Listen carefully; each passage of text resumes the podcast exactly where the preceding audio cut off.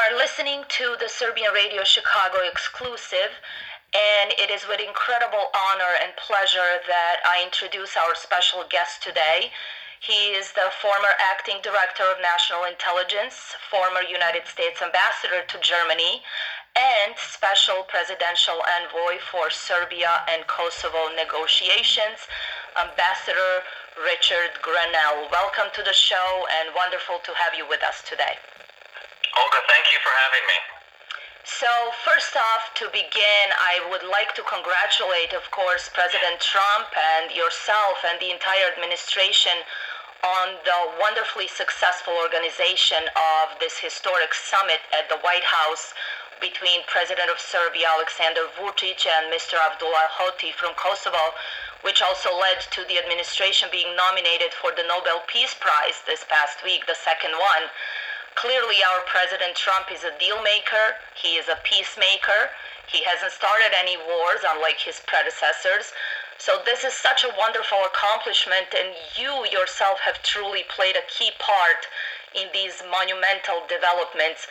What is your vision, and what is the vision of President Trump? Well, thank you for that question. I, I have to say that from the beginning, President Trump has felt like the economy and job creation was really something that he could do well, and that coming from the private sector, uh, a, you know, somebody enters politics from completely the outside. President Trump brings a real breath of fresh air to the process, and, and what he said to me was, uh, it seems like um, we just need to concentrate on creating jobs getting European and American businesses into the region and and let's give the young people hope and a future and then maybe the politicians and the political stuff will take care of itself but he felt pretty strongly president trump felt that concentrating on the political angle nonstop for the past 20 years wasn't really helpful and that the best thing to do would be to just concentrate on job creation. And so that's what we did. We tried to um, go in, and, and the first thing I did uh, in Belgrade and in Pristina was meet with the business community and to say to them, what do you need? What do you want? And both of them agreed that they really needed a normalization of commerce and and they both focused on one of the first things, which was can we get a cargo flight between Pristina and Belgrade? Um, you know, uh, a flight that, that not only has passengers but cargo. Sure. And so we we concentrated on that, and we're able to get an agreement. We still don't have that done, but we we really are pushing now, and I, I think it, we're on a great uh, path. And then we did a rail agreement to try to get the railways fixed and going between the two countries because I think it would really help in terms of job creation. And then we did uh, a motor agreement and, and trying to open up the borders a little bit more. Concentrating on these types of projects, economic projects, we always felt like uh, we could give the young people of the region um, a better life and then let the politicians figure out the politics. Sure, makes sense. So, just to dive in a bit deeper into the economic memorandum, the United States is planning to open the U.S. Development Fund office in Belgrade, which is first and the only one of its kind in the region. So that clearly demonstrates something about Serbia and its leadership in the region. Will Belgrade be the only location, and, and what is this going to entail? Well, first of all, Serbia has a, a, a great economy, and we have a number of projects that we're working on. And so, what the United States tries to do is look at the amount of work that is being done, and that's the reason for an office. Um, we, we try not to do symbolism. We try not to do, um, you know, the, the political symbolism that I think so many politicians can focus on. And, and I know there's an argument from people to say that's important and it should be concentrated on. Our position is just that there's enough people concentrating on that and not enough people concentrating on the economic uh, job creation portion of this. And so our uh, DFC office uh, and, and agency in the United States felt like there was enough work where we needed uh, to have a team on the ground to be able to complete the projects in Serbia that are uh, really economically driven and large projects that we want to do. And so we're putting an office there, not for symbolic reasons, but to respond to the, the incredible uh, projects and the number of projects and the breadth of projects that we are doing. Excellent. So, President of Serbia clearly was very satisfied with this agreement, and he stated that President Trump showed great respect for Serbia and his commitment to peace in this region. Um, they had a nice private exchange, and President Vucic invited President Trump to visit Serbia. If I'm not mistaken, he would be the first sitting president to do so after Jimmy Carter and of course, all of us are hoping for another four years of President Trump. Is that something that we can also expect? Well, I certainly have uh, encouraged the president to visit Serbia and Kosovo and the entire region and to really show the economic uh, powerhouse that's developing there. President Trump says that he is uh, excited to go. He looks forward to going. So we don't have any dates or we don't have any specific uh, um, you know time frames in mind, but the first uh, you know hurdle of getting the entire White House focus to say let's do it um, has been accomplished. We want to do it. We now just got to work on trying to find a time when uh, it, it would work for both um, the the uh, White House and the National Security Council, who would also be intimately involved in Robert O'Brien's office and something like that. So we're very excited and focused on it. Um, I, I think oh, you know one thing to make clear is that President Vucic uh, was a very tough negotiator. Um, he's somebody who fights very hard for uh, the Serbian people, and we expect that. We expect um, people to come and fight for for their citizenry, and so um, uh, it was a tough negotiation. Um, and I think both sides uh, were ultimately happy, but also both sides wanted more. And of so course. that's always a symbolic. That's always a, a great uh, show that you actually had a tough negotiation is when um, when that occurs. Excellent, and that is excellent for us Serbian Americans to hear, and that even our voices are now being heard in all of this. Now, the major and, and relevant aspect of this deal also um, is, of course, the improvement of the economic mobility in the region and the proposal of a mini Schengen zone. So, what would that entail and what countries will be involved? We know that Montenegro is just about to form a new government as they had a recent election. So, what, what are your thoughts on this? Well, this is something that the United States will not be in charge of, but we certainly love the idea and hope that everybody, everyone participates. Uh, that's why we put it into this negotiation to say, can we can we make sure that both Kosovo and Serbia participate in this uh, mini Schengen? And, and we love the idea. We love the idea of economic cooperation and building multilateral uh, organizations that are geared around um, creating wealth for people, creating jobs, and, Sure. and really fighting for capitalism. I, I want to pick up on one thing that you said for the Serbian American community. I think that this is pretty monumental when you look Absolutely. at uh, what what the Trump administration has tried to do.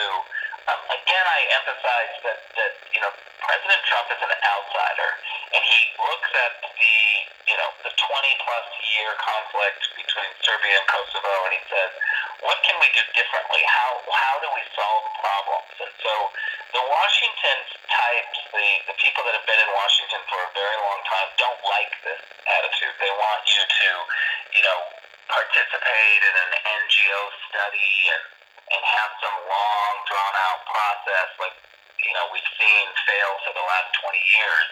And we didn't do that. And we really upset the system in Washington because I didn't go to NGOs and brief them and try to write op-eds about what should be done and, and do a lot of that political talk. Um, we do that as largely just what it is, is talk. And that has disappointed, um, you know, not, not only the, the Serbian community in America, but the Albanian American community.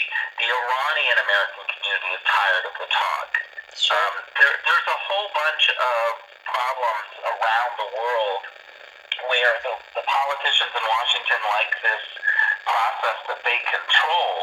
And so you'll hear a lot of noise about this Kosovo-Serbia negotiation from Washington types that, that don't like uh, the agreement or they don't like the process. And it's for one reason and one reason alone. They weren't included. And I would argue that when they weren't included, we had success. Yes, and you give me an excellent segue to this because we have also watched you consistently battle fake news and of course as Serbian Americans we can empathize with this we have been the target of some of the same uh, especially through the 1990s but even during the first day of the negotiations you reacted to some of this and we followed um, people who were generally unhappy with this process and you are right it's an incredibly um, breath of fresh air that we are seeing from this administration. But even Bill Clinton's spokesperson was not happy, and the Biden camp, and and some even in Kosovo, their Speaker of the Parliament was. What were their expectations, I guess. And it, it seems that the fake news is all around us, not just in the media, but also in that political arena, in the swamp, if you will, as we have gotten to call it. Yeah, re- remember that, you know, the, the whole idea of Washington is about power and control, and they want to control the message, and and so they just don't like when they're not included. Again, I go back to the idea that when we started this negotiation, we ignored a lot of these political issues that everybody wanted us to immediately tackle. Um, not because we think that they're not important issues, but because we felt, and I felt in particular, that too many people were already concentrating on those questions, and that uh, a whole bunch of people had been trying for decades with no luck. That I just wanted to try something new and different. Excellent. And so you only get that uh, ability to do that. Me as a diplomat, I would never have been able to uh, do this under a Bush administration or uh, any other administration. I could have only done this creative of an outsider approach under one person, which is President Trump. Yes. He values it. He looks at this and says, "Give it a try. Let's try it." And and I am so thankful that from the beginning he helped me focus and pushed me to focus on doing something different and and focusing on the economy, and it, and it proved to be really monumental. That is true, and a lot of the people you mentioned in the past, the previous U.S. administrations, and even Europeans, they have been so critical, but they could not deliver. And they have put so many red lines for the Serbs that Serbia and Serbian Americans have felt very disenfranchised and neglected, even from our own country here within um, the Europeans have been at a stalemate for decades with no results. So you've made an incredible breakthrough with President Trump, and you have opened the door not only for Serbia, but even speaking to us right now, you're demonstrating that the Serbian American voice in this country is now being valued and heard and welcome. So I personally want to thank you and President Trump for that. Um, you mentioned in the past that the administration is focused on economics and Europeans were somewhat focused on politics. This is now a better development for Serbia, but how do you see the Europeans now involved going forward? Well, look, as ambassador to Germany, you made it clear um, that there needs to be a better path um, for those who want to get into the EU. We also made it clear that we're not a part of that process. We're not a member of the EU, and so uh, you know we can only um, encourage and bring attention. But I think that there needs to be a faster structure. There needs to be a structure that's more articulated. Um, look, I also have to be honest I'm a very uh, blunt diplomat. Um, and I've told the leaders in the region who are not part of the EU that there's a whole bunch of ways that they could create jobs and and create a vibrant economy um, because they're not in the EU. I'll exactly. give you an example. The, the GDPR rules um, have really been prohibitive uh, for many uh, American companies and even some European companies to um, to do certain research and development projects. And so I've encouraged President Vucic directly to think about ways in which Serbia could be a hub um, outside of the uh, GDPR rules and the EU rules um, to to take advantage of the fact that they're not in, the EU. I mean, I know that that uh, they want to be a part of the EU, and that's a long process. But in in while they're waiting, I think there's a way to really take advantage of being in Europe and and having. Uh, laws and, and rules that are much more flexible and geared towards entrepreneurship. Excellent. That is an excellent idea. Now, just to switch gears a bit, you gave a great speech at the Republican National Convention. And also in your op ed for The Hill, you stated, and I quote, when the U.S. government prioritizes diplomacy over force and understanding over threats, the world stands to benefit. So we haven't had any foreign interventions, no nation building, no wars, no colored revolutions. And again, as a Serbian American, I have to say this is the first time in recent history that I can remember that the United States administration took such great caution and respect for the situation at hand, even though it is so complex, and came up with this historic deal with no threats, no pressure and political blackmail, but a very creative and a pragmatic approach to a decades long and complex issue. So, again, I want to thank you for that, but elaborate for us on this new foreign policy vision that President Trump has and that all of us have waited for for so long as Americans and are embracing. Yeah, well, I'm, I'm so glad that you you um, have noticed because the foreign policy establishment in Washington D.C. Um, will never accept the fact that Donald Trump's foreign policy, the Trump diplomatic strategy, the Trump doctrine, if you will, has actually made Americans safer. Absolutely. We have a stronger military. We have not started any new wars. We're bringing our troops home. And with all of that combined, what has it done? It's produced Arab-Israeli peace agreements. It's produced an economic normalization between Kosovo and Serbia. We have momentum of solving problems. We also have the president talking to uh, the North Korean leader. The president has offered to talk to the Iranian leader. This is, I think, what the Trump doctrine is.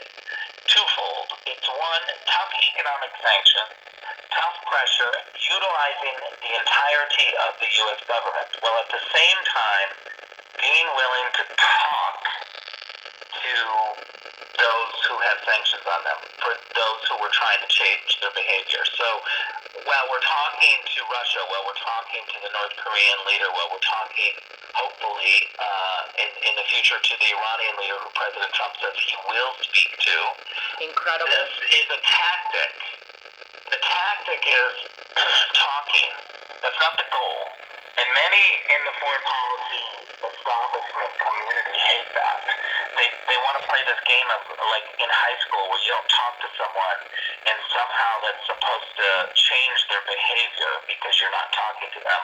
What we've decided to do is do tough economic sanctions and then sit across the table and say, if your behavior changes and you want to be in the international community, then we should be able to find ways once that behavior changes to let up on these sanctions and bring you into the normal fold of nations.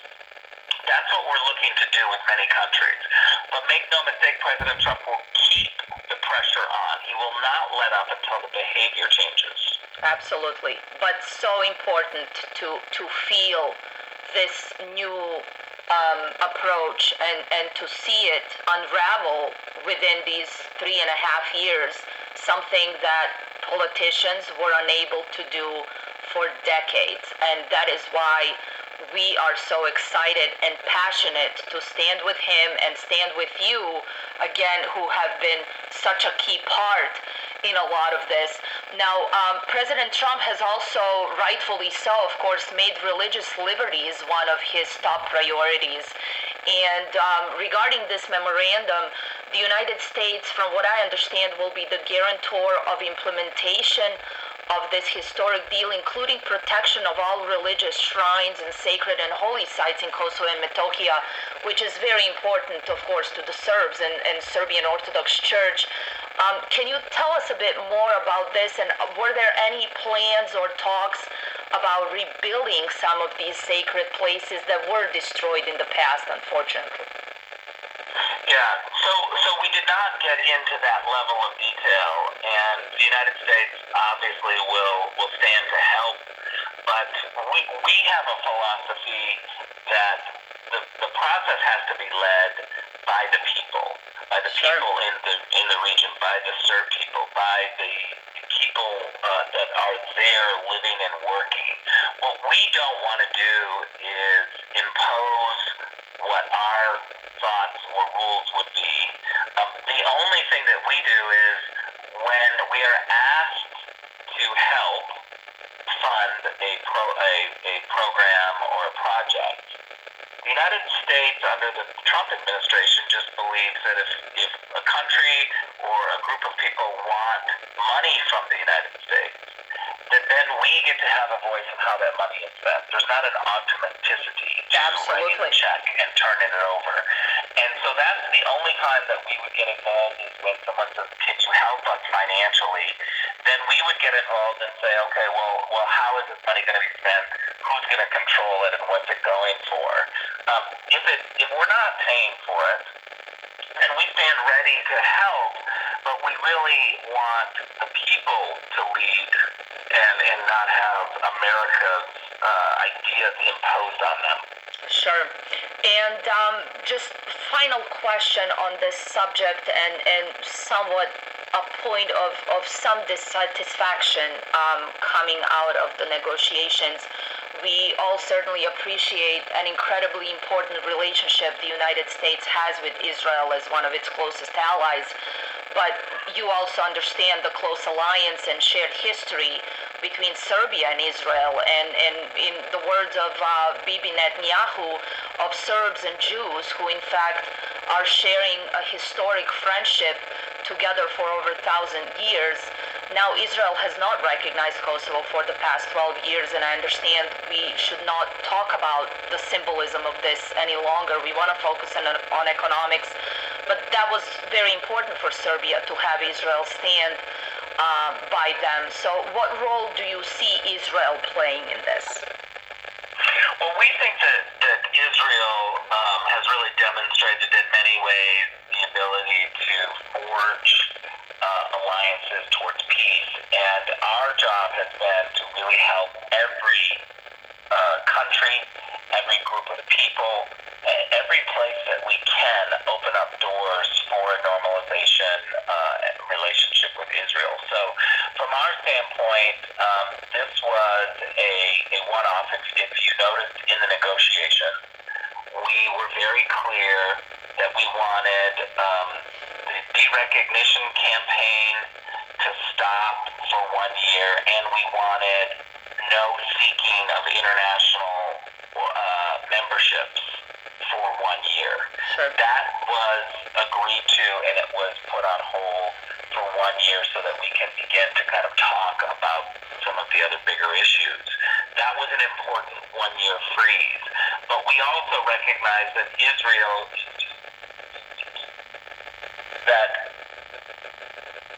that Israel is is a, is a country that deserves all of our respect, that deserves Absolutely. our our total work because um, they're in a rough neighborhood Yes. and and we we need to protect um, Israel. And so what we wanted to be able to do was to also, while we have this um, this, this, majority Muslim and Arab countries working towards peace with Israel, we wanted to include Kosovo as to recognize Israel and have a special relationship because of the uniqueness of Israel. Sure. Now, switching gears here, you have been on the campaign trail, and of course, now we are all hoping to cross the finish line together on November 3rd and get four more years of President Trump. Now, as Americans, we all expect law and order, we expect jobs, lower taxes, and all those things that President Trump promised and already delivered on, even during his first term. So, what can we expect in the next four years and hopefully post COVID 19 and post rioting on these streets of our beautiful country? Well, the one thing that I can just say is, is that President Trump um, is going to focus and finish uh, the job that he had started on so many of these um, peace agreements, on bringing our troops home, on making sure that we don't start new wars, but building our military as strong as we can. You know, Ronald Reagan had this idea of peace through strength, Yes. and we hear we hear about that a lot, peace through strength. But I think to, to really focus on it and to understand what it actually means, it means that you will have a very strong military, you will show the world that you have the capability to respond immediately with overwhelming force, and therefore the hope is no one wants to mess with you.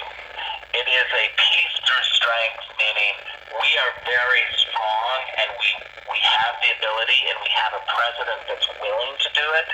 You know, a credible uh, for a, a credible um, military is really what uh, I think the president wants. Yes. He wants to be able to say that um, not only do we have a military, but that, that it's a credible one and that he has the ability to respond and he will respond when the American national security is threatened.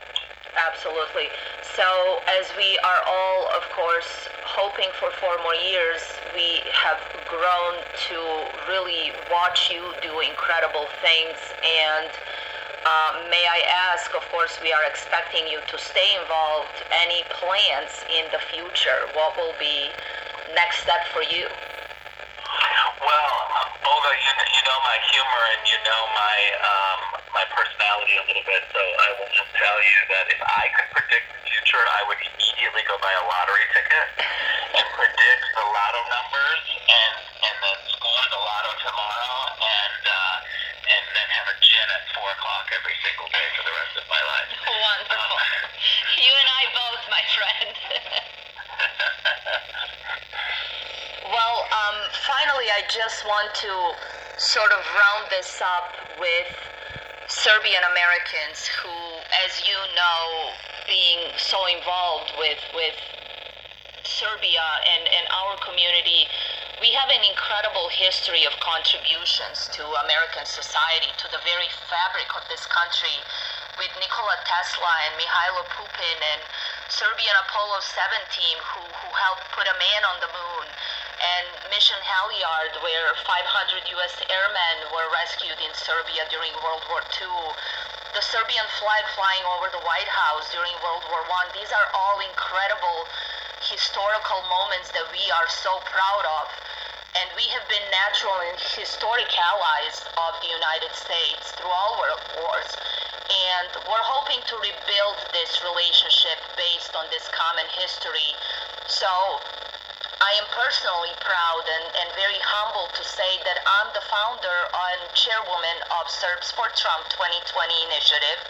And we are aiming to galvanize around million Serbs in the United States, of course, to help re-elect our President Trump. Since then, we've become an official part of the presidential coalition with local teams that we have in place across all the United States very, very prominent Serbs, especially in key swing states.